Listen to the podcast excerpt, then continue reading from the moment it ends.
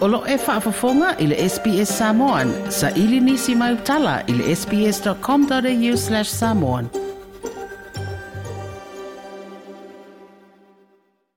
O le whaalapa putonga ma ai tau le lalolangi le World Meteorological Organization whaatasi ma le European Union Copernicus Climate Change Services o lātou whailua e ono tūra i maise matati a fou i se te mero te mamao.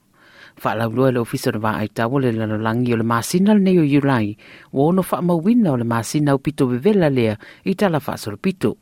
Ma o wa ai ai de finau malosi o malo o whaatasi, i ta ita i o atunu o le lalolangi, i a whaia ni ngai o inga e whaasanga i suinga wa iai o le tau.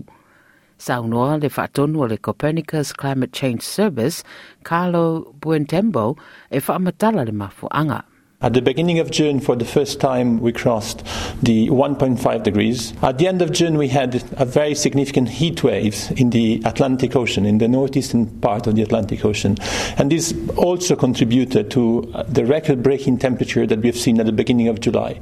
Now, three weeks into, into the month, slightly more than that, we can say that the, not only the first week of, of July was the warmest on record, but the three weeks of July were the warmest on record. And the anomaly with respect respect to previous record temperature for July is so large that we can confidently say that at the end of July we will have seen the warmest July on record.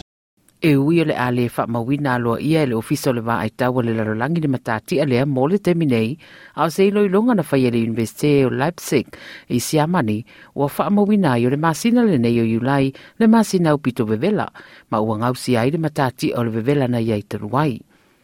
Mai le paputonga o loo se i wha ina umane wha mteranga i le fau. O le o ia wha mteranga ua wha ai ma le le fia fia o malo o na ua leva o wala au pea mo le ni ngā e i le tūlanga o le tau. O le malo o o Antonio Guterres e le o ia i. For vast parts of North America, Asia, Africa and Europe, it's a cruel summer. For the entire planet, it is a disaster. And for scientists, it is unequivocal. Humans are to blame. All this is entirely consistent with predictions and repeated warnings. The only surprise is the speed of the change. Climate change is here, it is terrifying, and it is just the beginning. The era of global warming has ended, the era of global boiling has arrived. O atunu ule tu i mātua le lalolangi po le Northern Hemisphere, o whea ngai ma se bevela winga ese, ma ua wha mawina pea ma le tasi tesi ma lima tikeri Celsius, whai mai tusa ua o tesi ma lua tikeri, wa sidi ai ia ona vevela, wha atusa ni masina lava le nei tusanga tanuai. To tele tūlisi wa to anga ese mai mai no whanga o sa sawa iafi e pe o le motua road si e leni, a mai se fo nisi wha e tū i mātua saina, ua wha mawina le matua i vevela. I le o Amerika o se whamanatu mo le tau vevela o lo o fauto i nai tangata whai a a fieri tu sa mare fast food pasene o le whai tau au whai o tangata. Sa no ai Biden, o lona manatu, ai ronga ma se tangata o na toe te ena a fianga o iei nei o suinga o le tau. I don't know anybody who honestly believes climate change is not a serious problem. Just take a look at the historic floods in Vermont and California earlier this year. Droughts and hurricanes that are growing more frequent and intense. Wildfires spreading a smoky haze for thousands of miles, worsening air quality. The record temperatures, and I mean record, are now affecting more than 100 million Americans. O lo iai le pane tai vaenga a mata o le tu ai ngā tau o le au nino, le ma sani na mafua mai le bevela le sami ma vai i le tu sa sa er Pasifika.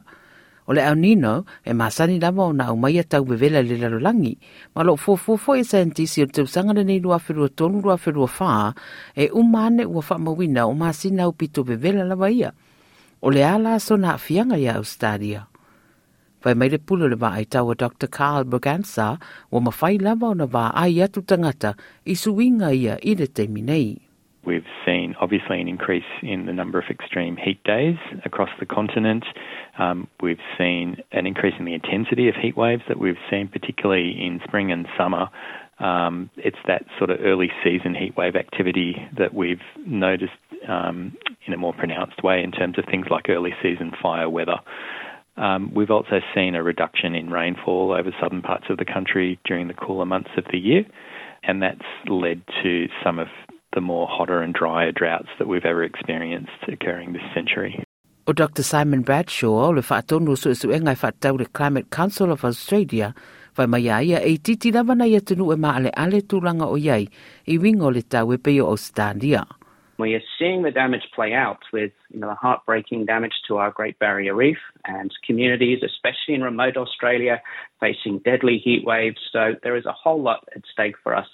And we're also in a position to do a tremendous amount of good because whereas in the past we've been a major fossil fuel producer, or still are a major fossil fuel producer, we are also sitting on some of the world's best renewable energy potential. And we can be driving fossil fuels out of our own energy system, and we can also be exporting clean energy and clean products to the rest of the world and thereby playing a really positive role in the world's response to the climate crisis. O le minista o malosianga ma le tau o Chris Bowen wa ia whaeroe se pepa o whaamtaranga tustusia o lo inoe tangata ustadia a fiango suinga o le tau o lo o iai le tātou pāneta.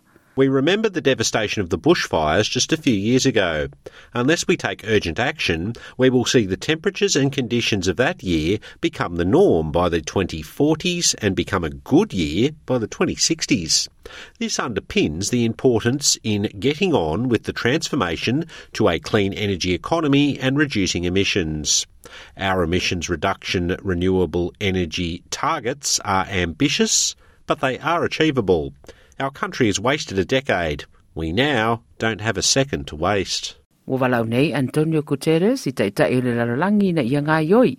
Pa mai ia o lo tele a manolo o anga i mai au na ave iai le wha. Leaders must lead. No more hesitancy. No more excuses. No more waiting for the others to move first. There is simply no more time for that. We have several critical opportunities ahead the Africa Climate Summit, the G20 Summit, the UN Climate Ambition Summit, COP28. But leaders, and particularly G20 countries responsible for 80% of global emissions, must step up for climate action and climate justice. O le ripoti na tuufatsia Ciara Hain mai le SBS News ma ua whaaliwina mo lo si la fia o le mata upu. Like, share, ma faali sau finangalo, muli muli i le SBS Samoan i le Facebook.